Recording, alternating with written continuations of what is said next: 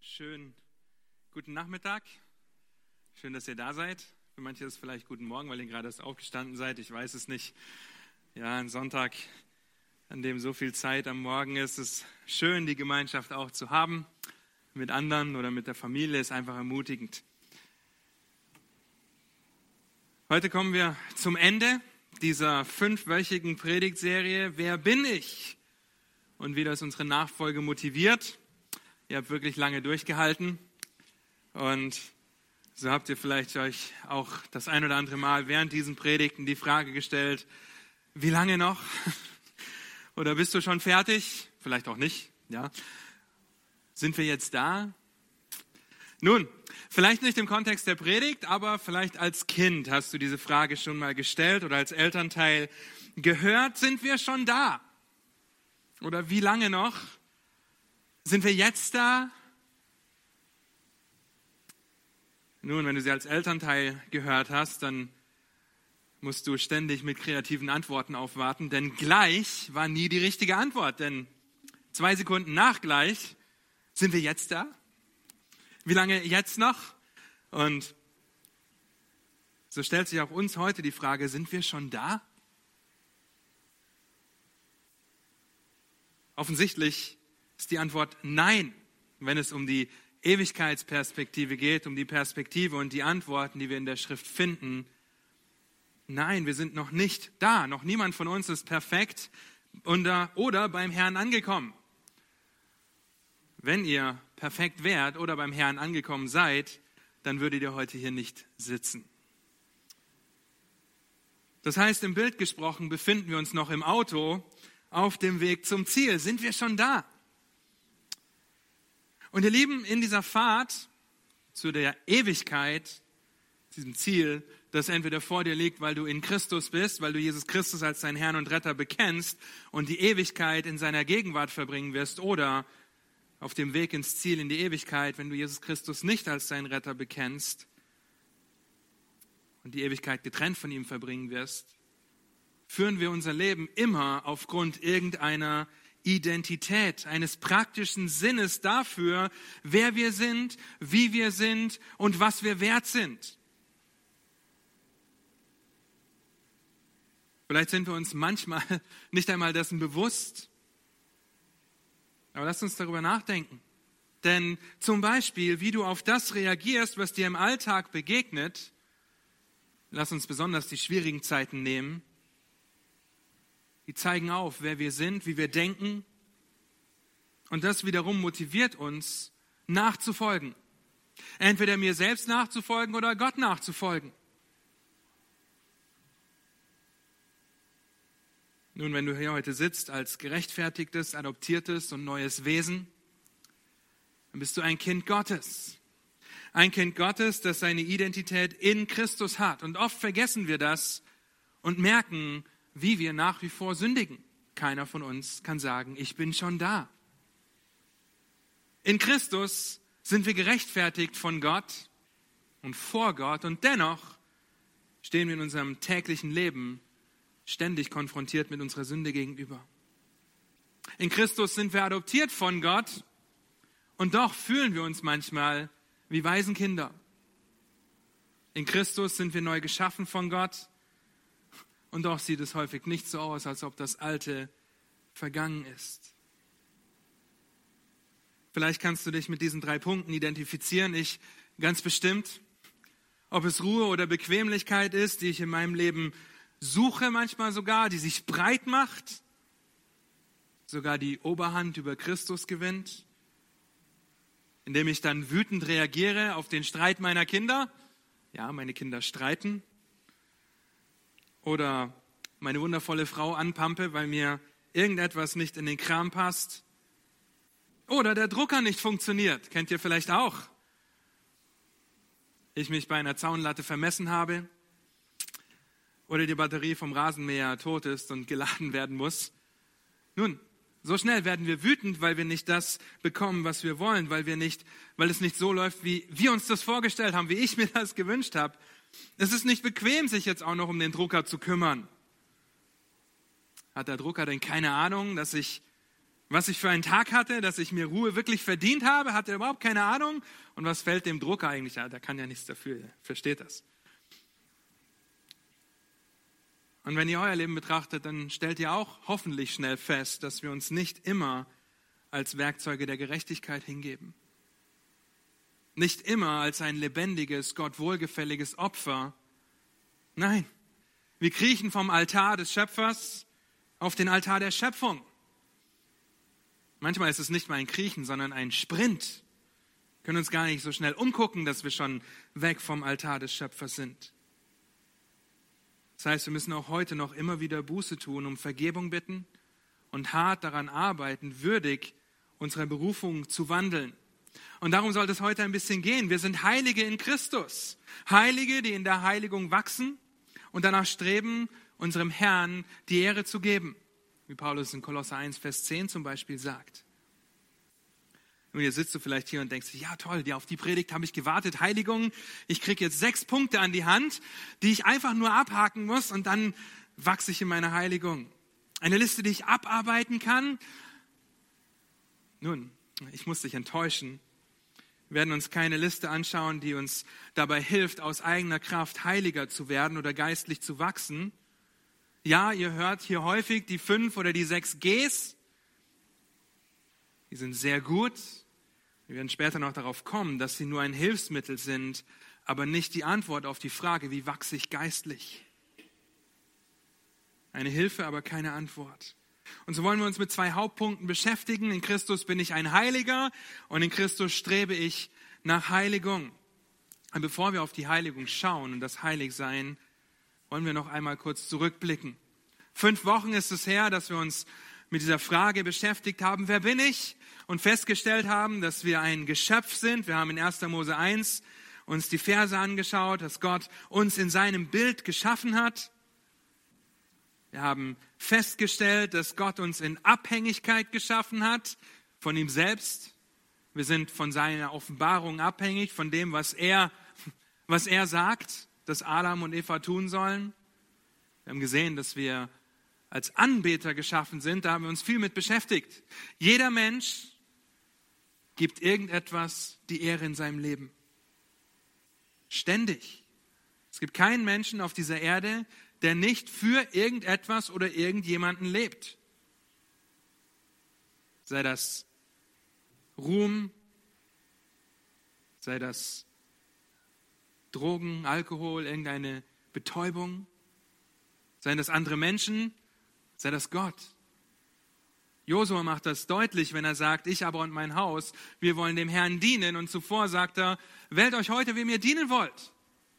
Er zeigt immer, immer, dass es keine Wahl gibt. Du kannst nicht sagen, ich diene niemandem oder ich diene Gott, sondern du dienst entweder etwas oder jemandem der Schöpfung oder du dienst deinem Schöpfer.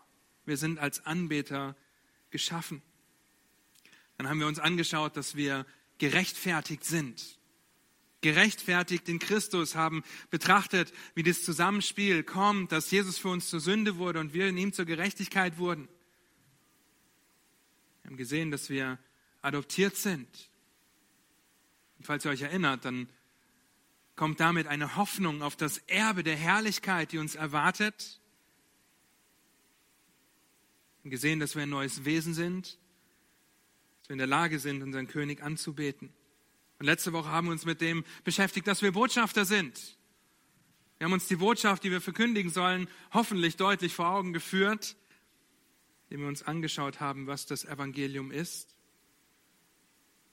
Das ruft mit lauter Stimme, lasst euch versöhnen mit Gott. Und diese Versöhnung ist nur in Christus möglich. In Christus vom Feind zum Freund, vom Dunkeln ins Licht, von der Sklaverei der Sünde in die Sklaverei der Gerechtigkeit. Wir haben uns auch vor Augen geführt, wie es denn geht oder wie wir daran arbeiten können, bessere Botschafter zu sein. Ihr erinnert euch vielleicht erstens, die Evangelien häufig zu lesen, um von unserem König, den wir vertreten, zu lernen. Zweitens, erst nach oben zu schauen, bevor wir nach vorne schauen, wenn es um unsere Beziehungen geht. Es geht zuerst um Gott und dann um unseren Nächsten. Drittens, uns im Licht der Bibel zu betrachten. zu sehen, wer wir sind, wer Gott ist. Und viertens, die Wahrheit in Liebe zu sprechen und nicht die Wahrheit statt Liebe zu sprechen. Und das war herausfordernd. Für euch vielleicht, für mich ganz bestimmt, auch in der letzten Woche, da wir dazu tendieren, immer von einer Seite vom Pferd zu fallen. Wahrheit oder Liebe. Und auch noch dazu tendieren, dass wir alle eher zuhören, um zu antworten, anstatt zuhören, um zu verstehen. Nun, diese vier Punkte in die Tat umzusetzen, ist ein Aspekt der Heiligung, dessen, womit wir uns heute beschäftigen. Denn niemand von uns kann sagen, ich bin schon da, ich bin angekommen. Wir alle streben hoffentlich danach, unserem Schöpfer, der sich in seinem Wort offenbart, die Ehre zu geben. Von dem Ruhm Gottes und dem Wert dessen, wer er ist und was er tut, zu verkündigen. Durch Worte und durch unser Leben. Vielleicht hast du gemerkt, dass du noch viel zu lernen hast, dass du noch nicht angekommen bist. Das ist gut, dann sind wir schon zu zweit. Wir befinden uns auf dem Weg in die Ewigkeit. In die Ewigkeit getrennt von Gott oder in der Gemeinschaft mit Gott. Lasst mich bitte beten, bevor wir uns damit beschäftigen, dass wir Heilige sind und was es bedeutet, in der Heiligung zu wachsen. Treuer Gott und Vater, du bist ein gerechter König.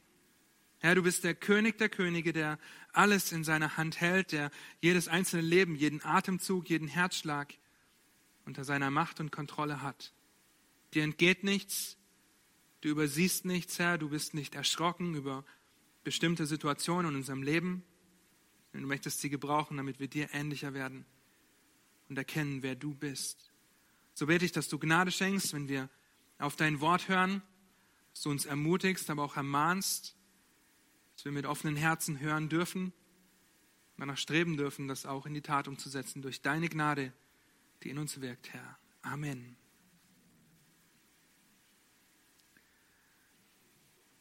Wenn du hier sitzt, dann willst du vielleicht wachsen. Stellst dir aber die Frage, wie? Sagst dir vielleicht, oh, ich habe schon alles probiert, geistlich zu wachsen, aber es bringt nichts. Und ich möchte dir heute versuchen, vor Augen zu führen, was es bedeutet, ein Leben in Heiligung zu führen. Und ein Autor, der bringt es treffend auf den Punkt und sagt, Zitat, wenn ein Christ im christlichen Leben Fortschritte machen will, muss er von dieser kraftvollen neuen Wirklichkeit überzeugt sein. Wir sind persönlich durch den Heiligen Geist mit Christus vereinigt wir haben neue Möglichkeiten und ein neues Potenzial, weil Gott eingezogen ist. Die grundlegende geistliche DNA jedes Gläubigen ist radikal verändert und wir sind Teil einer neuen, die gesamte Schöpfung umfassenden Erlösungsgeschichte. Zitat Ende.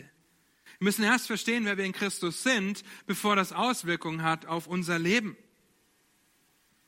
Das heißt, du musst erst verstehen, wer du in Christus bist, bevor du das ausleben kannst, was du bist. Das bedeutet, durch meinen Gottesdienst wachse ich mehr und mehr in der Heiligung. Ich werde der, der ich schon bin. Aber was bedeutet das, der zu werden, der ich schon bin? In Christus bin ich bereits ein Heiliger. Wir reden hier von der definitiven oder von der positionellen Heiligung. In Christus bin ich heilig. Das heißt, ich bin abgesondert und wir haben uns die letzten Woche intensiv damit beschäftigt, herausgelöst aus der Sklaverei der Sünde in den Dienst oder die Sklaverei der Gerechtigkeit gestellt. Wir sind abgesondert, so wie Gott abgesondert ist. Das geschieht mit der Rechtfertigung, Adoption und Neuschöpfung. Mit deiner Errettung spricht Gott dich heilig, sondert er dich ab. Stehst du nicht mehr unter dem, der uneingeschränkten Macht der Sünde, wirst du nicht die ewigen Konsequenzen der Sünde spüren. Dein innerer Mensch ist nicht mehr tot, sondern lebendig, mit Christus lebendig gemacht. Eine Verwandlung hat stattgefunden. So sagt Gottes Wort in Titus 3, Vers 5 zum Beispiel. Da hat er uns nicht um der Werke der Gerechtigkeit willen, die wir getan hätten, sondern aufgrund seiner Barmherzigkeit errettet durch das Bad der Wiedergeburt und durch die Erneuerung des Heiligen Geistes, den er reichlich über uns ausgegossen hat durch Jesus Christus, unseren Retter, damit wir durch seine Gnade gerechtfertigt, der Hoffnung gemäß Erben des ewigen Lebens sein würden. Oder 1. Korinther 1, Vers 30. Durch ihn, das ist Gott, aber seid ihr in Christus Jesus, der uns von Gott gemacht worden ist zur Weisheit, zur Gerechtigkeit, zur Heiligung, interessant, und zur Erlösung, damit es geschehe, wie geschrieben steht, wer sich rühmen will, der rühme sich des Herrn. Nun, wer wirkt das, dass du ein Heiliger bist? Von wem kommt das? 2. Korinther 5, Vers 17 bis 21. Ich habe das heute nicht hier an der Wand, in der Hoffnung, dass einige von euch das auswendig können. Holt eure Karten raus, wenn ihr sie dabei habt. Wenn ihr möchtet, dürft ihr mitsprechen, alle zusammen, ja? 1. 2. Korinther 5, Vers 17 bis 21. Darum ist jemand in Christus, so ist er eine neue Schöpfung. Das Alte ist vergangen, siehe, es ist alles neu geworden.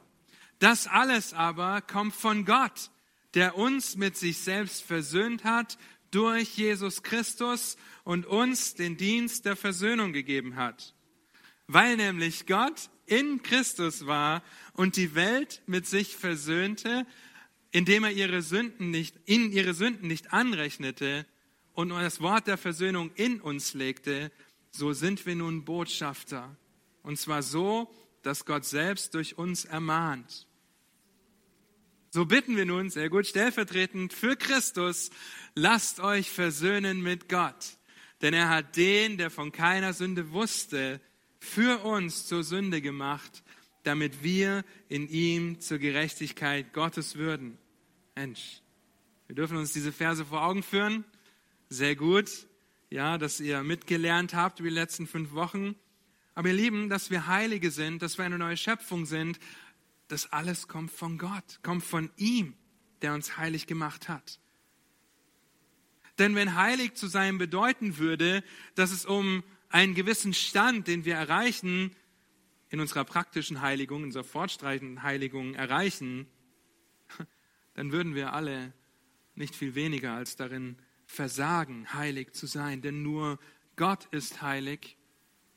Und wenn das der Fall wäre, dass wir irgendwas erarbeiten müssten, dass deine Heiligung etwas zu deinem Zustand in Christus beiträgt, ihr Lieben, dann hätte Paulus nicht Folgendes an die Korinther schreiben können. 1. Korinther 1, Vers 2, an die Gemeinde Gottes, die in Korinth ist, an die Geheiligten in Christus Jesus, an die berufenen Heiligen. Oder Kapitel 6, Vers 11. Und solche sind etliche von euch gewesen. Ihr könnt diese Liste durchgehen im Vers davor.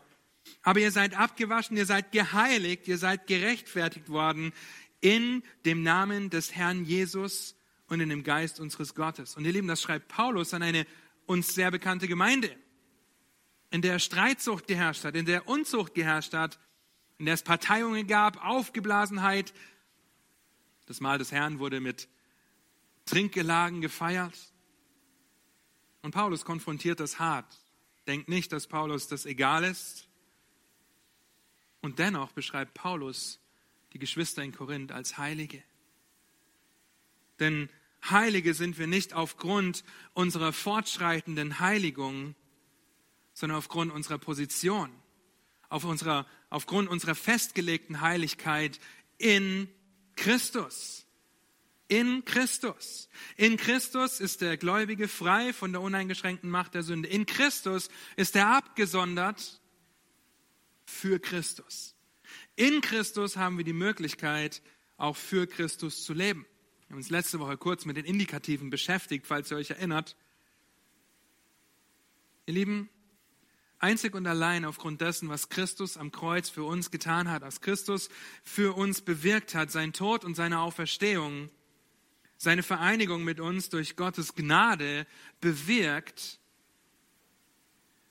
bewirkt, dass der Gläubige völlig heilig ist, der völlig abgesondert ist und erst dann in der Lage ist, auch so zu leben.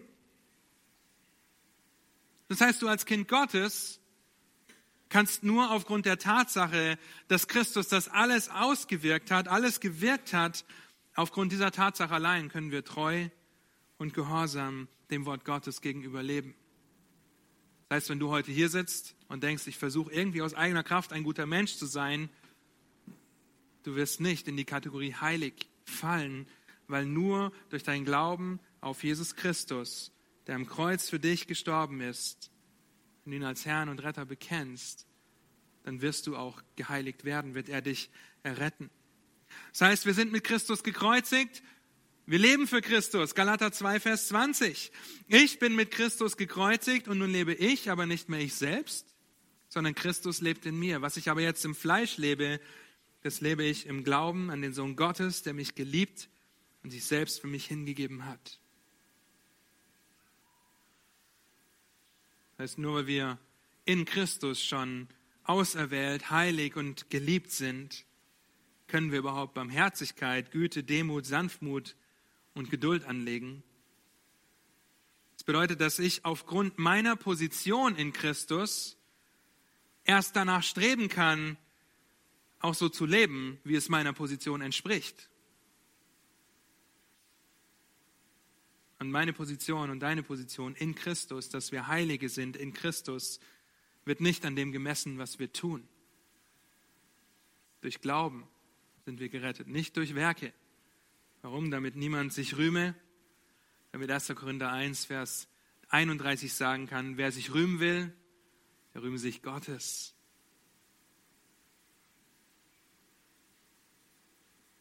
Und dennoch finden wir in der Schrift, im ersten Petrusbrief, im Alten Testament immer wieder die Aufforderung, seid heilig, denn ich bin heilig, spricht der Herr.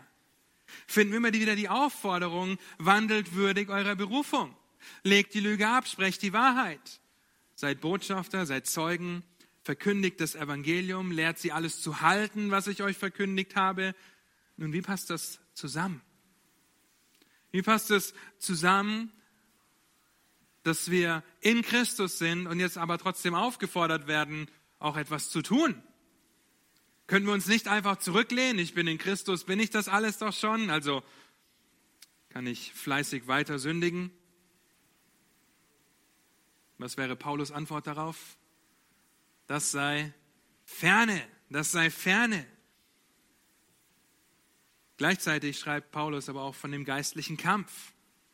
Im geistlichen Kampf, für den wir, wenn ihr in der Gebetsstunde dabei wart, die Waffenrüstung brauchen. Für den geistlichen Kampf, der in unserem Inneren tobt. Paulus schreibt von dem geistlichen Kampf, der in seinem Inneren tobt, in Römer 7. Nun, es geht um Heiligung. Es geht um das Wachstum in Christus. Und wenn ich mir dessen bewusst bin, wer ich in Christus bin, dann wird mich das auch motivieren, ein Leben zu führen, das in der Heiligung geführt wird. Das heißt, durch deinen Gottesdienst, durch meinen Gottesdienst, wachsen wir in der Heiligung und werden zu dem mehr und mehr, der wir schon sind.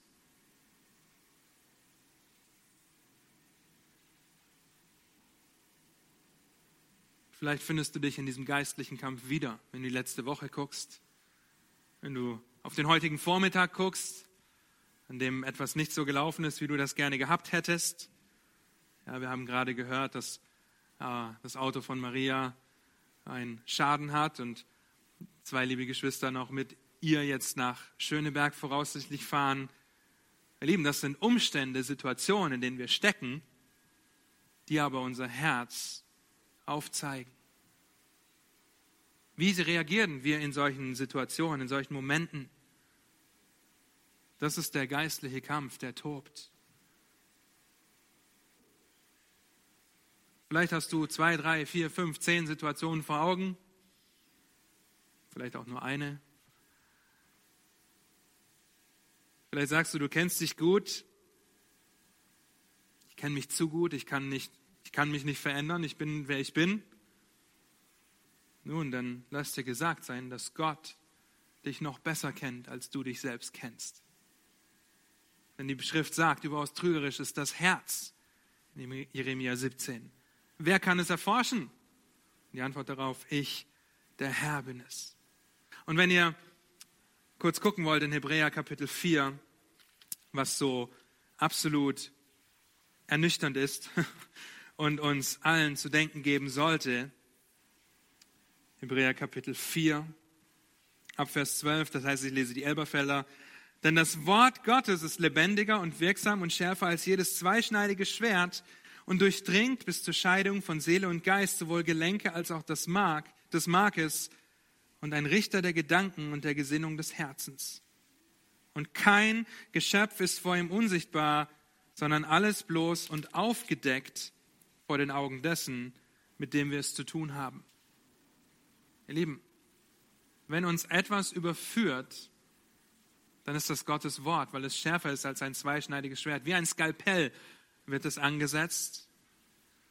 Und was uns erschrecken lassen sollte und voll Ehrfurcht erzittern lassen sollte, ist, dass Gott selbst alles weiß. Er kennt deine schlimmsten Gedanken und er kennt deine besten Gedanken. Und eines Tages wirst du dafür Rechenschaft ablegen. Ihr Lieben, wir sind in einem geistlichen Kampf und wir legen eines Tages Rechenschaft ab. Wir sind in Christus, ja, und dennoch legen wir Rechenschaft ab. Und so überführt uns Gottes Wort, lässt uns wachsen, weil Gottes Wort uns aufzeigt, wer wir wirklich sind. Dass wir Sünder sind, die Vergebung nötig haben. Und zwar nach wie vor leben wir mit dem Kreuz im Zentrum. Unsere Heiligung, unser Kampf. Unser Herz ist trügerisch, Gottes Wort ist die Wahrheit. Vielleicht ist der Kampf, wenn du deine Ruhe willst nach einem harten Arbeitstag, wenn du innerlich wütend wirst und durch Unfreundlichkeit glänzt. Im nächsten Moment, in dem du auch deine Ruhe willst, aber daran denkst, was Christus für dich getan hat. Lieben, das passt so oft für uns nicht zusammen. Im einen Moment tue ich das, was ich nicht will, und im anderen Moment tue ich das, was ich will, aber die Situation ist dieselbe. Deine Ruhe und Unfreundlichkeit oder deine Ruhe und du hältst dir vor Augen, wer du in Christus bist und dass du eines Tages in die perfekte Ruhe eingehen wirst, in die Ewigkeit was dich dann zu einem demütigen Dienst motiviert, egal was kommt. Nun, ich stelle in meinem Leben schnell fest, dass mein Herz und mein Leben noch nicht zu 100 Prozent da sind, wo sie vor Gott schon stehen. Und dieser Kampf, dieser Kampf, der zu werden, der ich schon bin, der wird andauern, bis wir in die Ewigkeit eingehen, bis ich in die Ewigkeit eingehe. Es ist der Kampf des Herzens. Ich möchte kurz damit euch durchgehen. Den Kampf des Herzens ein bisschen zu verstehen, wenn es darum geht, in der Heiligung zu wachsen. Ihr wisst alle, dass wir einen Garten haben. Die meisten von euch wissen das. Ein Garten, der durch die Kreativität meiner lieben Frau zu dem geworden ist, was er ist und immer schöner wird. Aber auch Veränderungen erfahrt, die meine Muskelkraft erfordert. In den letzten Wochen haben wir viel umgebaut im Garten. Einige haben das schon gesehen, weil sie zu einem Gartenkreis da waren. Und wisst ihr was? Ich habe immer, zu jeder Sekunde, fröhlich gedient und fleißig gearbeitet. Nein. Ja, ist ein geistlicher Kampf. Manchmal dann im Gegenteil. Im Gegenteil, ich habe nicht immer fröhlich oder fleißig gearbeitet. Ich wollte meine Ruhe, meine Bequemlichkeit, bis Gott mich überführt hat. Es war mein Wunsch, nicht schon wieder alles zu verändern. Schließlich habe ich schon mal dafür geschwitzt und bin jetzt faul und zu bequem, nochmal zu schwitzen. Mein Wunsch ist, die Bequemlichkeit, die Ruhe davor zu haben. Ist das schlecht, der Wunsch nach Ruhe und Bequemlichkeit oder bequem Leben? Nein, ist nicht schlecht. Okay? Das ist nicht schlecht. Im Gegenteil, wir sollen sogar dafür beten, für unsere Regierung, dass wir ein ruhiges Leben führen können. Wir werden eines Tages in die perfekte Ruhe eingehen.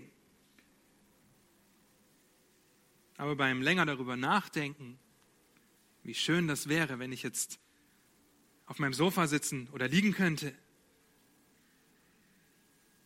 Je, länger ich darüber nachdenke, was die Änderung im Garten alles mit sich bringt, wie viel Arbeit,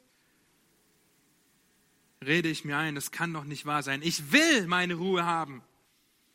Ich habe keine Lust und ich will mich lieber ausruhen. Ich brauche das für meine Psyche, für mein Wohlergehen.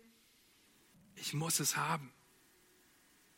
in dem Moment wird das zu einem Götzen. Mein Wunsch wird zu einem Verlangen, mein Verlangen wird zum Bedürfnis, aber damit nicht genug, es wird sogar zu einer Erwartung. Nämlich der Erwartung, dass Miri doch verstehen muss, dass wir schon einmal Schweiß in diesen Teil des Gartens gesteckt haben, dass ich die ganze Woche hart gearbeitet habe, früh aufgestanden bist, ist, dass ich jetzt meine Ruhe brauche. Das muss sie doch respektieren. Das ist meine Erwartung. Nun, wenn ihr unseren Garten anschaut, dann wurde diese Erwartung enttäuscht. Denn wir haben unseren Garten umgebaut und umgegraben und Zaun gesetzt. Aber nicht aufgrund dessen habe ich so reagiert, weil meine Frau oder der Garten das Problem ist, sondern mein Herz, meine Reaktion auf die Situation. Und ich habe meine Ruhe nicht bekommen und das resultiert dann in Bestrafung. Wir machen das nicht, ich bin das Haupt, ich entscheide. Ein absolut liebevolles, aufopferndes und hingebungsvolles Zeugnis für den Herrn oder nicht? Was für ein glorreiches Versagen meinerseits. Was für ein glorreiches Versagen, ein Botschafter für Christus zu sein. Was für ein Versagen, den anderen höher zu achten als mich selbst. Durch Gottes Gnade durfte ich um Vergebung beten, durfte ich tatsächlich auch an Garten arbeiten mit Freude und Tatendrang. Aber ihr Lieben, ein Wunsch ist in sich noch nicht schlecht. Der Wunsch zu heiraten. Wir können das durchspinnen. Okay? Verlangen, Bedürfnis, ich brauche das, die Erwartung, ich muss das haben, ich will das und du musst es mir geben. Die Enttäuschung, ich bekomme das nicht und dann die Bestrafung. Und letztendlich, ihr Lieben, richtet sich Sünde immer gegen Gott. Immer gegen Gott. Das ist knallharter Götzendienst und Verrat am Evangelium. Nun, wie gesagt, Gott hat Gnade und Buße geschenkt und durften fröhlich und voll Tatendrang den Garten umgestalten.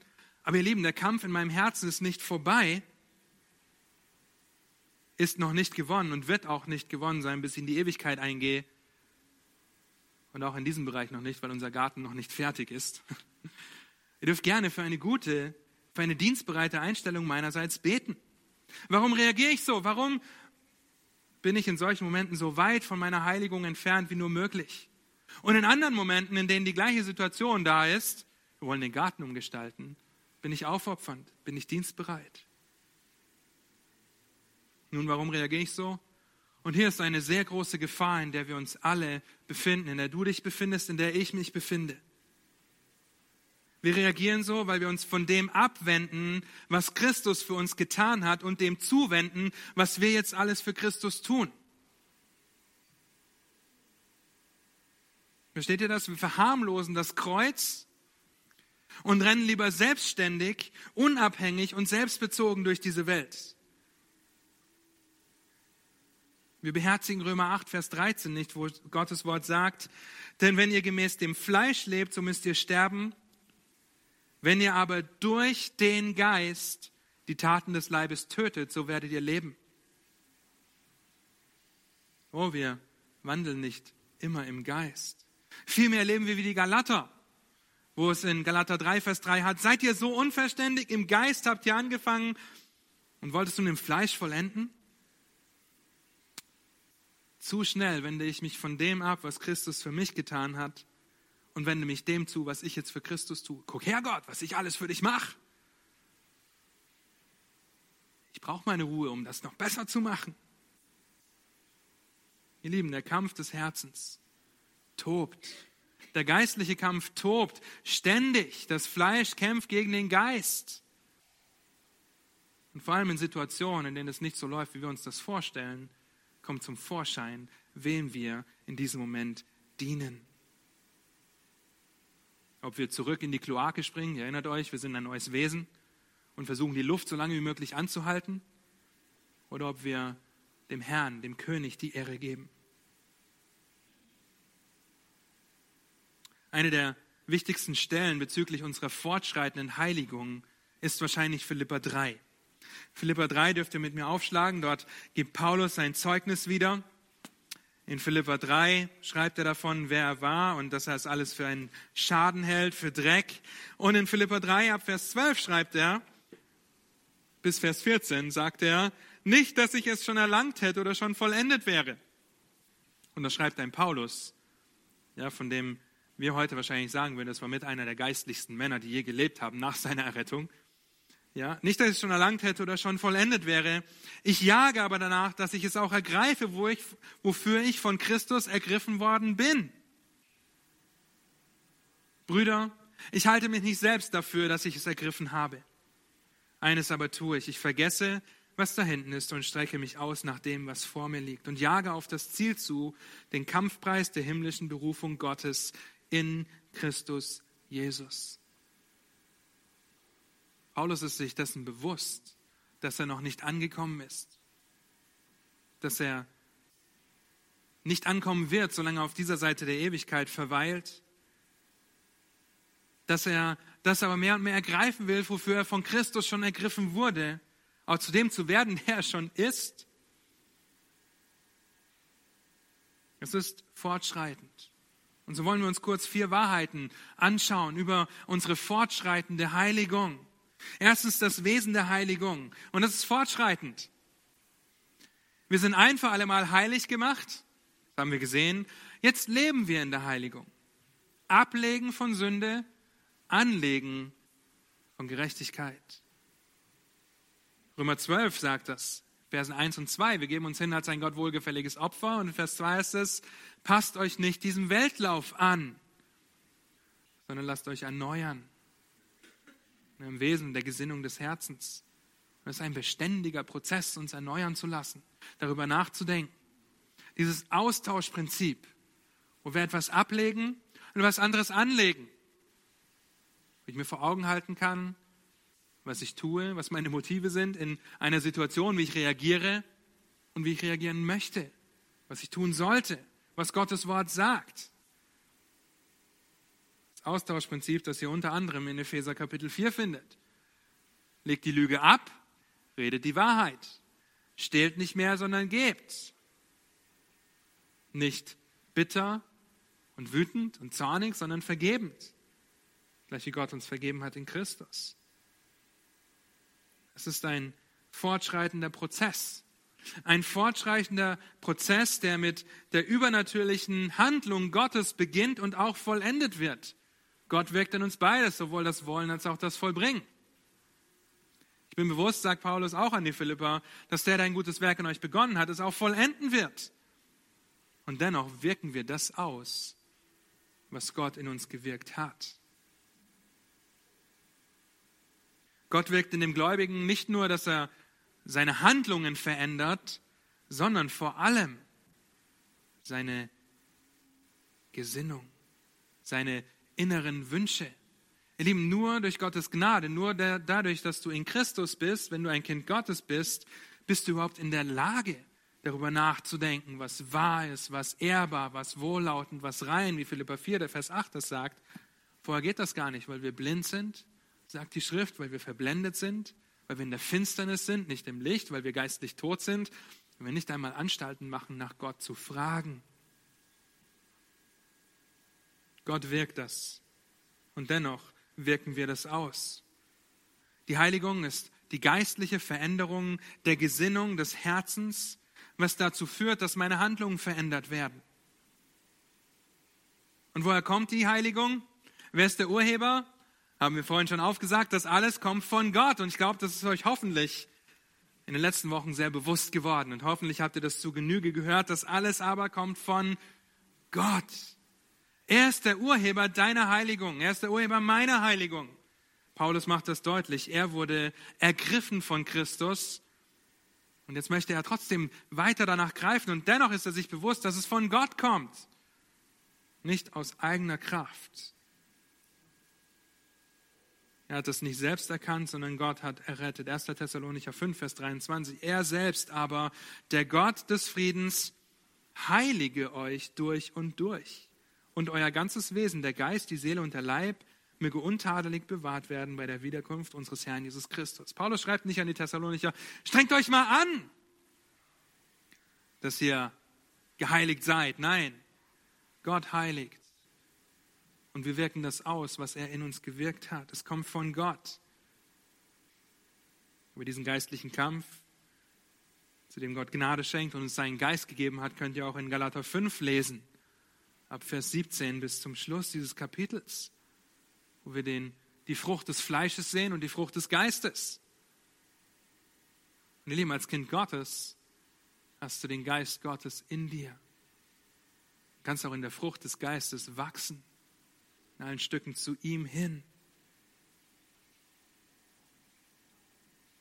Lieben, bitte versteht das, wenn du hier sitzt und sagst, oh, ich habe schon alles probiert, um gegen die Sünde anzukämpfen, aber es hilft alles nichts. Es bringt nichts, mein Kampf gegen die Sünde, das ist sinnlos. Ich habe alles probiert. Wenn du hier sitzt mit diesen Gedanken, dann lass mich dir Folgendes sagen. In diesem Moment machst du deinen Herrn klein, weil du denkst, du könntest dem, was er in dir gewirkt hat und wirkt, etwas hinzufügen weil du denkst, du musst aus eigener Kraft das vollbringen, was er begonnen hat. Vielleicht sagst du es nicht laut, aber du lebst so. Niedergeschlagen von deiner Sünde, traurig, dass du diesen Kampf nicht gewinnst und auch schon alles probiert hast. Sollen wir niedergeschlagen sein über unsere Sünde? Ja, bitte. Aber nicht aus eigener Kraft dagegen ankämpfen. Dagegen kämpfen ja, aber nicht aus eigener Kraft. Denn nur ein Leben mit dem Kreuz oder mit Christus im Zentrum ist ein Leben, das Veränderung bringen wird. Und zwar bleibende Veränderung. Wir lieben, es ist nicht das Lesen von Gottes Wort, es ist nicht die Gemeinschaft in der Gemeinde, es ist auch nicht das Gebet, das sich wachsen lässt, sondern das Kreuz. Und ihr könnt ihm einen Strick draus drehen, wenn ihr das rausschneidet.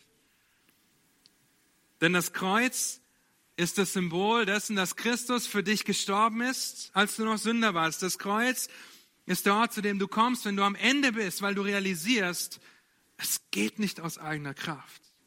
Das Kreuz, das wir, das uns, das mir vor Augen hält, dass ich niemals so schlecht sein kann, dass ich aus Gottes Gnade falle, aber auch niemals so gut sein werde, dass ich Gottes Gnade nicht brauche. wenn das Kreuz das Zentrum deines Lebens ist, wenn Christus das Zentrum deines Lebens bist, wenn du auf den blickst, der alles für dich getan hat, was nötig ist, um vor Gott bestehen zu können, dann wirst du aus Dankbarkeit, aus Liebe Gottes Wort lesen. Dann wirst du aus Freude und zu Gottes Ehre in den Gottesdienst kommen. Dann wirst du, weil du weißt, dass du in Abhängigkeit bist, im Gebet sein. Und deswegen sage ich, das sind Hilfsmittel, aber es ist nicht die Antwort. Nicht die Antwort. Oh, du kannst hier sitzen, gesetzlich die Veranstaltung besuchen, weil irgendjemand dir gesagt hat, versäum die Versammlung nicht. Okay, ich muss ja kommen, weil sonst kommt er wieder. Du kannst Gottes Wort in einem halben Jahr durchlesen, von 1. Mose bis Offenbarung und kannst einen Haken machen und dir sagen, guck meine Liste an. Ja, ich habe schon zweimal durch die Bibel gelesen dieses Jahr. Eben, du kannst sogar stoisch beten. Einfach beten. Und dabei das Gefühl haben, dass dein Gebet nur bis zur Decke geht. Weil es dich nicht weiterbringen wird, wenn du meinst, aus eigener Kraft das schaffen zu wollen, was nur durch Christi Gnade in deinem Leben geschieht. Selbstgerecht dazustehen und dann zu sagen, ich bin geistlicher als die anderen, weil ich mache ja viel mehr. Und deshalb kann ich in der Gemeinde nicht dienen, kann ich mit denen nicht zusammen sein, weil sie geistlich nicht auf meinem Stand sind. Ihr Lieben, wie hochmütig, wie stolz. Flieh zum Herrn, flieh zum Kreuz. Denn nichts anderes müssen wir sehen. Denn nichts anderes müssen wir sehen, um zu verstehen, was nötig war, damit wir überhaupt in der Lage sind, ein Kind Gottes zu sein. Und dennoch fordert die Schrift auf, auszuwirken, was in uns gewirkt wurde, zu arbeiten. Aber wie bringen wir das zusammen? Und was sind Hilfsmittel unserer Heiligung? Nun, das Zusammenspiel ist einfach und doch kompliziert. Okay, weil Gott in uns arbeitet, arbeiten wir. Alle Werke, die der Errettung entspringen, entspringen dem, dass Gott in uns am Wirken ist, nicht du selbst. Henry Scougal, ein Puritaner, hat einmal Folgendes dazu gesagt, Zitat, die gesamte Kreativität und Maschinerie des Menschen kann nicht das kleinste Kraut oder das Getreide im Feld wachsen lassen. Es ist die Energie der Natur, der Einfluss des Himmels, der diesen Effekt erzielt. Es ist Gott, der das Gras wachsen lässt, der das Kraut hervorbringt, damit dem Menschen gedient wird. Und trotzdem wird niemand sagen, dass die harte Arbeit des Bauern sinnlos oder umsonst ist. Zitat Ende. Es ist ein Zusammenwirken. Wir wirken das aus, was Gott in uns gewirkt hat. Dabei blicken wir auf das Kreuz, auf das Kreuz allein, weil es uns zeigt, wer wir in ihm sind, wer wir in Christus sind. Und einige Hilfsmittel, die kennt ihr. Die kennt ihr gut. Sind die sechs Gs. Fünf davon kennt ihr sehr gut. Das sechste ist euch vielleicht neu, wenn ihr länger hier in die Gemeinde kommt. Das erste Hilfsmittel ist Gottes Wort. Schau dir zum Beispiel Psalm 1, Psalm 19 oder 119 an, um zu sehen, was Gottes Wort mit deinem Herzen, mit meinem Herzen tun kann, wenn wir Gottes Wort bewahren. Liebe dein Wort, wie einer der große Beute findet. Wohl dem, der nicht wandelt im Rat der Gottlosen, sondern der seine Lust hat am Gesetz des Herrn. Eben diese Lust kommt davon, weil Christus in uns wirkt. Gottes Wort. Zweitens, Gebet. Gebet. Sorgt euch um nichts, sagt Paulus den Philippern. Und übrigens schreibt er das aus dem Gefängnis, aus der Gefangenschaft in Rom sondern in allem lasst durch Gebet und Flehen eure Anliegen vor Gott kund werden. Dann wird der Friede Gottes, der allen Verstand übersteigt, eure Herzen und Gedanken bewahren in Christus Jesus. Philipper 4, Vers 4 und 5, 5 und 6 und hindrehen. 6 und 7, 6 und 7. Jetzt, 6 und 7. Ja, Philippa 4, 4, es freut euch im Herrn alle Zeit. Vers Fünf ist, eure Sanftmut lasst alle erfahren. Und dann geht es weiter. Sorgt euch um nichts. Gebet. Mich bewusst in die Abhängigkeit Gottes zu stellen, weil ich weiß, dass er meine Gedanken und mein Herz bewahren wird, weil ich weiß, dass er souverän über allem steht. Er hat alles in der Hand. Warum sollte ich mir Sorgen machen? Gottes Wort, Gebet. Drittens Gemeinschaft. Und zwar die Gemeinschaft der Heiligen der Kinder Gottes. Denn die Gemeinschaft der Heiligen ist ein Schleifstein für dein Leben, ist ein Schleifstein für deine Heiligung.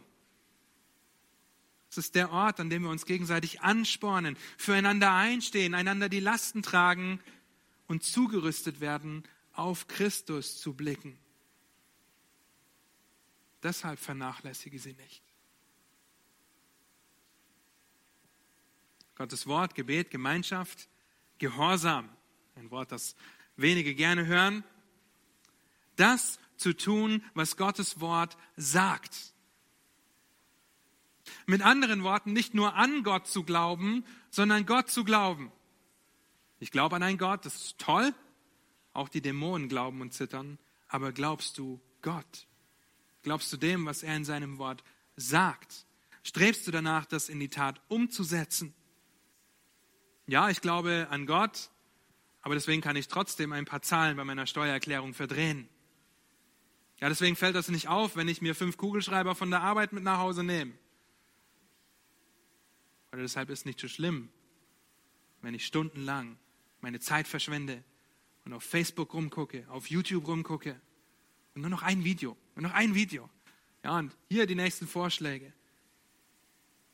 Glaubst du an Gott oder glaubst du Gott? Ein großer Unterschied. Ein großer Unterschied, denn in dem Bewusstsein, dass Gott das in uns wirkt, dass er uns errettet hat, wer wir in Christus sind. Wenn ich auf das Kreuz blicke und die Liebe des Retters für mich sehe, dann erfüllt mich das mit Freude und mit Liebe und ich möchte das zum Ausdruck bringen. Zum Ausdruck bringen, indem ich das tue, gehorsam umsetze, was Gottes Wort sagt und mir dessen bewusst bin, dass ich das niemals aus eigener Kraft schaffe. Gottes Wort, Gebet, Gemeinschaft, Glaube. Glaube. Glaube auf das, was die Schrift sagt. Wenn die Schrift sagt, wir wissen aber, dass denen, die Gott lieben, alle Dinge zum Besten dienen, dann vertraue ich darauf. Fällt es mir schwer in schwierigen Situationen, wenn eine Fehlgeburt angekündigt wird, wenn eine Beziehung in die Brüche geht, wenn ein Haus abbrennt und deine Familie da drin ist? Oh, ja, keine Frage. Aber es ist eine Verheißung, an die ich mich klammern kann, weil ich einen unendlich weisen, souveränen und allmächtigen Gott habe, der auch noch gut ist und das Beste für mich im Sinn hat. Es ist möglich, darauf zu vertrauen, dass Gott das Beste wirkt. Dass Gott das Beste für mich möchte und er noch die Ehre dabei bekommt. Glaube. Gottes Wort, Gemeinschaft, Gebet, Gehorsam, Glaube. Und das sechste G ist Leiden. Denkt euch, fängt nicht mit G an. So könnt ihr euch noch besser einprägen. Das sechste G ist das Leiden. Leid. Oh, ihr Lieben, oft beten wir dafür und ich ertappe mich selbst da drin, dass Leid genommen wird. Dass es uns gut geht, ob körperlich oder gesellschaftlich. Das ist nicht verkehrt. Aber ich möchte euch einen anderen Ansatz vorstellen der wichtig ist, weil wir in einer leidensfaulen Kultur leben. Keiner von uns hat Lust zu leiden. Ja, keiner von uns hat Lust auf die OP, dass irgendwas entfernt wird. Keiner von uns möchte das. Keiner von uns hat Lust, dass Beziehungen in die Brüche gehen, geliebte Menschen ihn verlassen oder Kinder nicht gläubig werden. Keiner von uns hat Lust davor, dazu. Wir haben nicht einmal Lust dazu, um des Glaubens willen an der Arbeit zu leiden, weil wir Zeugnis geben. Und wenn wir Zeugnis geben, dann werden wir ausgelacht, verpönt, verspottet. Wir haben keine Lust darauf. Wir leben in einer leidensfaulen Kultur. Und ich möchte uns herausfordern, das Leiden, das Leiden im Leben, schwierige Situationen, die Hitze, in der wir uns oft befinden, ein Mittel der persönlichen, der fortschreitenden Heiligung ist, das Gott gebrauchen will, um uns Christus ähnlicher zu machen. Hebräer 12 zum Beispiel heißt es ab Vers 6, und das sind harte Worte, die ihr bestimmt schon einmal gehört hat, habt. Hebräer 12 ab Vers 6, denn wen der Herr lieb hat, den züchtigt er und er schlägt jeden Sohn, den er annimmt. Das sind tolle Neuigkeiten. Wenn du ein Kind Gottes bist, dann hat dich der Herr lieb, dann trifft das auf dich zu. Wenn ihr, euch, wenn ihr Züchtigung erduldet, so behandelt euch Gott als Söhne. Denn wo ist ein Sohn, den der Vater nicht züchtigt? Wenn ihr aber ohne Züchtigung seid, an der sie alle Anteil bekommen haben, so seid ihr auch unecht, so seid ihr auch unecht und keine Söhne. Zudem hatten wir unsere leiblichen Väter als Erzieher und scheuten uns vor ihnen. Sollten wir uns dann nicht viel mehr vor dem Vater der Geister, sollten wir uns, sollten wir uns da nicht viel mehr dem Vater der Geister unterwerfen und leben? Mit anderen Worten, diese Ehrfurcht vor Gott zu haben. Vers 10. Denn jene, also die Väter, haben uns für wenige Tage gezüchtigt, so wie es ihnen richtig erschien. Habt ihr Konsequenzen von euren Eltern bekommen? Wahrscheinlich. Ich auch. Wie auch immer das ausgesehen haben mag. Ihr wisst von meinem Computerarrest, haben wir letzte Woche davon gesprochen. Wie auch immer das ausgesehen haben mag. Hat mein Vater immer recht gehabt? Nein. Hat es mir gut getan? Ja, im Nachhinein kann ich das sehen. Aber die irdischen Väter hier auf dieser Erde, wenn du ein Vater bist, eine Mutter bist, dann weißt du, wovon ich spreche. Wenn ich mein Leben anschaue, meine Erziehung meiner Kinder, oh, manchmal gebe ich Konsequenzen für etwas, was sich danach herausstellt, das ganz anders war. Aber ich tue es trotzdem so gut ich kann und zu Gottes Ehre. Also Vers 10, denn jene haben uns für wenige Tage gezüchtigt, so wie es ihnen richtig erschien. Er, und er ist jetzt Gott, aber wozu? Wer hat es aufgeschlagen? Zu unserem Besten. Uh. Damit wir seiner Heiligkeit teilhaftig werden. Alle Züchtigung aber scheint uns für den Augenblick nicht zur Freude, sondern zur Traurigkeit zu dienen. Danach aber gibt sie eine friedsame Frucht der Gerechtigkeit denen, die durch sie geübt sind. Ich hoffe, du verstehst das und vielleicht kannst du das in deinem eigenen Leben sehen, wie harte Zeiten, wie schwierige Zeiten, eine schwere Botschaft, ein, eine Nachricht, die, wo du dich einfach nur noch hinsetzen willst. wo du erblasst, weil du von Leid hörst, weil du eine Nachricht bekommst, die du so nicht erwartest. Krebs oder dein Kind ist gestorben. Dein Partner ist gestorben. Du selbst hast einen Unfall. Lieben, im Augenblick dienen sie nicht zur Freude. Aber wenn wir uns an den Verheißungen Gottes festklammern, daran halten, dann können wir auch darin eine friedsame Frucht erfahren, Ruhe und Frieden erfahren und sehen, was Gott daraus macht. Es gibt so unzählig viele Beispiele. Joni Erickson Tada zum Beispiel, habt ihr gehört? Kennt ihr vielleicht? Mit 17 Jahren hat sie einen äh, Schwimmunfall gehabt und ist seitdem vom Nacken abwärts gelähmt. Meine Lieben, sie ist ein strahlendes Licht für Gott in dem Leid. Ist es einfach für sie? Ganz bestimmt nicht, aber sie hat Gottes Verheißungen. Gerade erst kam die Nachricht, dass sie das zweite Mal von Brustkrebs geheilt wurde. Ja, nicht nur, dass sie vom Hals abgelähmt ist, sondern schon zweimal Brustkrebs gehabt. Ihr Lieben, Leid bringt uns näher zu Gott, wenn wir richtig damit umgehen könnten wir viele andere Menschen anschauen, andere Leben betrachten, vielleicht dein Leben anschauen und betrachten, das von Leid geprägt ist. Ja, ich gucke in die Runde und für viele haben wir gebetet in Schmerzen, im Leid, in der Evangelisation Ungläubiger. Bei vielen hat sich die Situation vielleicht nicht verändert. Ja, seit Monaten mit einem Hüftbruch zu kämpfen, Lieben, wie gehen wir im Leid um? Und erkennen wir, dass es von Gott zu unserem Besten gegeben ist, damit wir ihm ähnlicher werden? Für den Augenblick nicht zur Freude, sondern zur Traurigkeit. Deshalb können wir auch mit den Weinen weinen, mit den Weinenden weinen. Danach aber gibt es eine friedsame Frucht der Gerechtigkeit denen, die durch sie geübt sind. Das heißt, Leid und schwierige Situationen in deinem Leben, in meinem Leben sind Teil unserer Heiligung. Teil dessen, was Gott gebrauchen will, damit wir mehr in sein Bild verwandelt werden. Psalm 119, Vers 71 sagt, sagt der Schreiber, es ist gut für mich, dass ich gedemütigt wurde, damit ich deine Anweisungen lerne.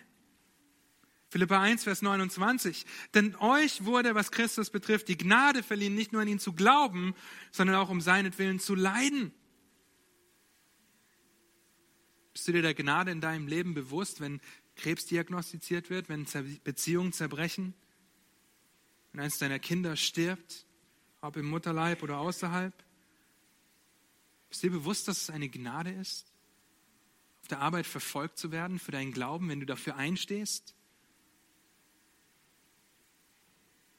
Dir bewusst, dass es Gnade ist zu leiden, weil wir lernen können, uns auf einen souveränen Gott zu verlassen? einen souveränen Gott, der alles in der Hand hat und uns eines Tages jubelnd freuen dürfen, weil wir in seine Ewigkeit, in seine Gegenwart einkehren. Seine Gnade zu leiden, weil wir wissen, dass wir jetzt schon alles haben, was nötig ist, um Gott wohlgefällig zu leben. 1. Petrus 1 ab Vers 3. Gelobt sei der Gott und Vater unseres Herrn Jesus Christus, der uns aufgrund seiner großen Barmherzigkeit wiedergeboren hat zu einer lebendigen Hoffnung durch die Auferstehung Jesu Christi aus den Toten, seinem unvergänglichen und unbefleckten und unverwelklichen Erbe, das im Himmel aufbewahrt wird für uns, die wir in der Kraft Gottes bewahrt werden durch den Glauben zu dem Heil, das bereit ist, geoffenbart zu werden in der letzten Zeit. Dann werdet ihr euch jubelnd freuen, die ihr jetzt eine kurze Zeit, wenn es sein muss, traurig seid und in mancherlei Anfechtung, damit die Bewährung eures Glaubens der viel kostbarer ist als das vergängliche Gold, das durch, durchs Feuer erprobt wird, Lob, Ehre und Herrlichkeit zur Folge habe bei der Offenbarung Jesu Christi. Lieben Leid, Prüfungen sind wie ein Schmelztiegel, der uns heilig macht. In 2. Petrus könnt ihr lesen, dass wir alles in Christus haben, was zu einem Gott wohlgefälligen Leben nötig ist.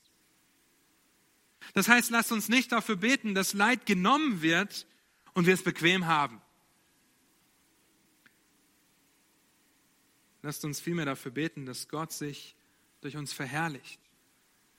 Ob er das Leid nimmt und wenn er es nicht nimmt, dass er uns den Rücken stärkt, um durch das Leid, das wir erfahren, geheiligt zu werden. Näher, mein Gott, zu dir.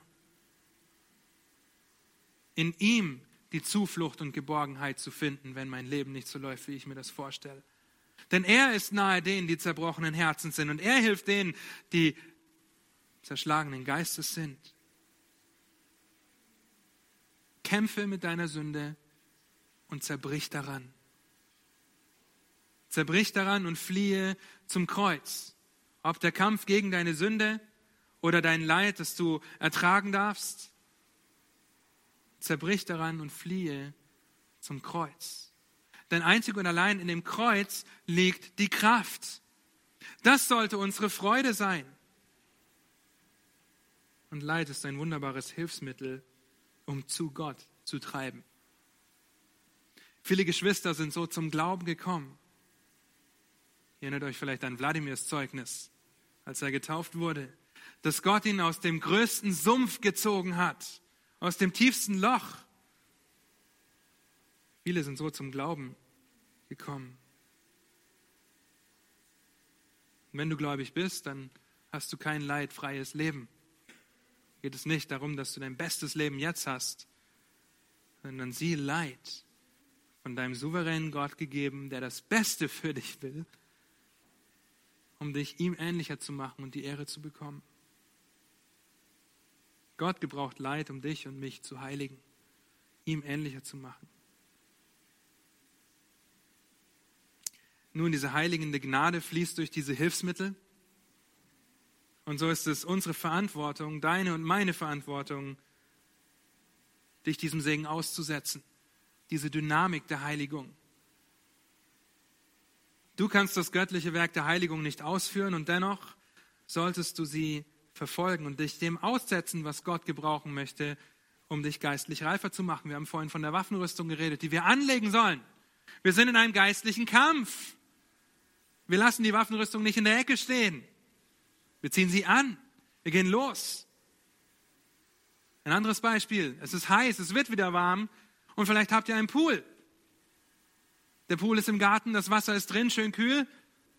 Nun, um euch abzukühlen, könnt ihr nicht nur daneben stehen bei 40 Grad im Schatten. Ihr müsst reinspringen. Ihr müsst reinspringen, um die Abkühlung zu erfahren. Wir müssen die geistliche Waffrüstung anziehen, um im geistlichen Kampf zu bestehen. Das heißt, wir halten uns das Kreuz vor Augen, wir halten uns Christus vor Augen, der übrigens jetzt für uns einsteht als ein hoher Priester, der weiß, was wir durchmachen. Wir benutzen die Hilfsmittel und geben Gott die Ehre. Geben Gott die Ehre dem, der uns durch seine Gnade fortschreitend das Bild seines Sohnes verwandelt der uns darin hinein verwandelt, weil wir unsere Verantwortung wahrnehmen, die Waffenrüstung anzulegen, die Hilfsmittel in die Tat umzusetzen. Das heißt, richte deinen Blick auf Jesus und Jesus alleine und daraus wird eine Dynamik entstehen, die in dem Kreuz ihren Ursprung hat. In dem, was Jesus Christus für dich am Kreuz getan hat, entspringt und du siehst, welche Liebe, welche Güte, welch ein Opfer, welch ein Mut. Deswegen liebe ich gute Lieder übrigens. Falls ihr aufmerksam zuhört in den letzten Predigen, so oft konnte ich Lieder einfach zitieren, die das so toll auf den Punkt bringen. Welche Liebe, welche Güte. Und aufgrund dieser Liebe, aufgrund dieser Güte ziehe ich die Waffenrüstung an. Möchte ich dem dienen, den lieben, der mich zuerst geliebt hat. Und ich weiß, dass das nur dadurch möglich ist, dass er seine Liebe in mich ausgegossen hat. Ich richte meinen Blick auf Jesus und Jesus allein. Darin beginnt die Dynamik im Kreuz und in dem, wer ich bin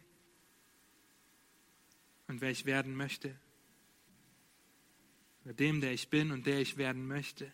Blicke auf Christus und auf das, was für dich bereitsteht. In 2. Korinther 4 heißt es, darum lassen wir uns nicht entmutigen, sondern wenn auch unser äußerer Mensch zugrunde geht, so, sind wir doch der innere, so wird auch der innere Tag für Tag erneuert. Denn unsere Bedrängnis, die schnell vorübergehend und leicht ist, verschafft uns eine ewige und über alle Maßen gewichtige Herrlichkeit, da wir nicht auf das Sichtbare sehen, sondern auf das Unsichtbare. Denn was sichtbar ist, das ist zeitlich, was aber unsichtbar ist, das ist ewig. Im Glauben leben, nicht im Schauen, haben wir gerade gesungen. Das, was Gottes Wort sagt und die Betonung, die wir finden, ist, dass wir auf die Herrlichkeit unseres Herrn blicken, nicht auf unsere eigene. Dass wir auf das blicken, was er für uns getan hat und nicht das, was wir jetzt alles für ihn tun müssen oder können. Da beginnt die Veränderung. Das ist die Dynamik. Blicke auf das Kreuz, wo der für dich gestorben ist, der dich liebt, ein Leben gegeben hat, für dich zur Sünde wurde, damit du zur Gerechtigkeit wirst in ihm. Gottes Wort ist das Fuhrwerk dazu, dass Gott die Ehre bekommt und ich erkenne, wer ich vor ihm bin. Das Gebet ist deine persönliche Gemeinschaft mit Gott, in der du Gottes Angesicht bestürmst, dich in seine Abhängigkeit stellst. Die Gemeinschaft der Heiligen, der Gläubigen ist die Möglichkeit, unter Gottes Wort in der Predigt zu kommen, seine Ehre zu besingen und gemeinsam dem Herrn die Ehre zu geben, indem wir uns anspornen zu Liebe und zu guten Werken, indem wir einander die Lasten tragen und diese vielen anderen einander stellen. Der Gehorsam ist der Weg, die Herrlichkeit Christi noch mehr zu begreifen. Und Leid, Leid ist eine Notwendigkeit, um in das Bild Christi gestaltet zu werden. Es ist eine Gnade, dass wir auch für ihn leiden. Das alles geschieht im Glauben an den, der uns erlöst hat. Das macht die Dynamik aus. Es ist ein Zusammenspiel der einzelnen Disziplinen, die aber immer auf Christus ausgerichtet sind. Denk nicht, okay, wenn ich jetzt mich zehn Wochen lang nur mit dem Philipperbrief beschäftige, kann ich mich danach freuen. Nein. Du wirst dich freuen, wenn du auf Christus blickst und das, was er für dich getan hat und dich dann mit dem Philipperbrief beschäftigst. Okay? Christus ist das Zentrum. Leben mit dem Kreuz im Zentrum. Falls ihr das Buch mit dem gleichnamigen Titel noch nicht habt, dann holt es euch. Lest es durch und staunt. Leben mit dem Kreuz im Zentrum. Sind wir schon da? Wie lange noch? Nun, der Herr wird bald wiederkommen. Wir sind noch nicht da, aber wir sind auf dem Weg ins Ziel. Warum ist es so wichtig, das Wirken des Heiligen Geistes zu verstehen? Warum ist es so wichtig, das zu verstehen? Weil wir immer noch gegen die Sünde kämpfen. Du wirst heute hier aus dem Gottesdienst rausgehen und wirst mit Sünde kämpfen. Später gibt es vielleicht keinen Keks mehr für dich und du hast so Hunger. Du wirst mit Sünde kämpfen. Das ist ein kleines Beispiel, okay, ein minimal kleines Beispiel. Morgen hat dein Mann vielleicht einen Unfall auf dem Weg zur Arbeit und wird den Rest seines Lebens im Rollstuhl sitzen. Du wirst mit Sünde kämpfen. Wir werden mit Sünde kämpfen der Prozess hat schon begonnen. Und er ist, was unsere Stellung vor Gott betrifft, auch schon abgeschlossen. Aber in diesem Leben, auf dieser Erde, auf dieser Seite der Ewigkeit werden wir niemals ankommen, ein perfekt sündfreies Leben zu führen. Und so halte dir in der kommenden Woche folgende Wahrheit vor Augen. Deine schlimmsten Tage sind niemals so schlimm, dass du aus der Gnade Gottes fallen kannst. Nichts kann dich reißen aus der Hand Gottes, okay? Und deine besten Tage sind niemals so gut, dass du Gottes Gnade nicht nötig hast. Jeder Tag deines Lebens sollte in der Gegenwart des Kreuzes und deines wunderbaren Retters gelebt werden. Oh ja, Sünde ist aktiv, ist sogar kerngesund und tobt rum in unserem Inneren. Sie prasst von uns auf außen, von außen auf uns aus, ein Deshalb ist es umso wichtiger, sich auf Christus zu konzentrieren und sich die Wahrheiten der Indikative, wer wir in Christus sind, bewusst vor Augen zu halten, die uns anspornen, Sünde abzutöten, göttliche Charakterzüge anzulegen, deine Gesinnung zu erneuern und darin zu wachsen, die Gedanken zu haben, die Christus hatte. Denke in der kommenden Woche auch über Folgendes weiteres nach. Gott zu gefallen ist mehr ein Motiv als eine Tat. Wenn dein Motiv selbst unbewusst ist, Gottes Anerkennung und seinen Segen durch deinen Gehorsam zu verdienen, dann gefällt es ihm nicht. Weil das den perfekten Gehorsam Christi benötigt hat.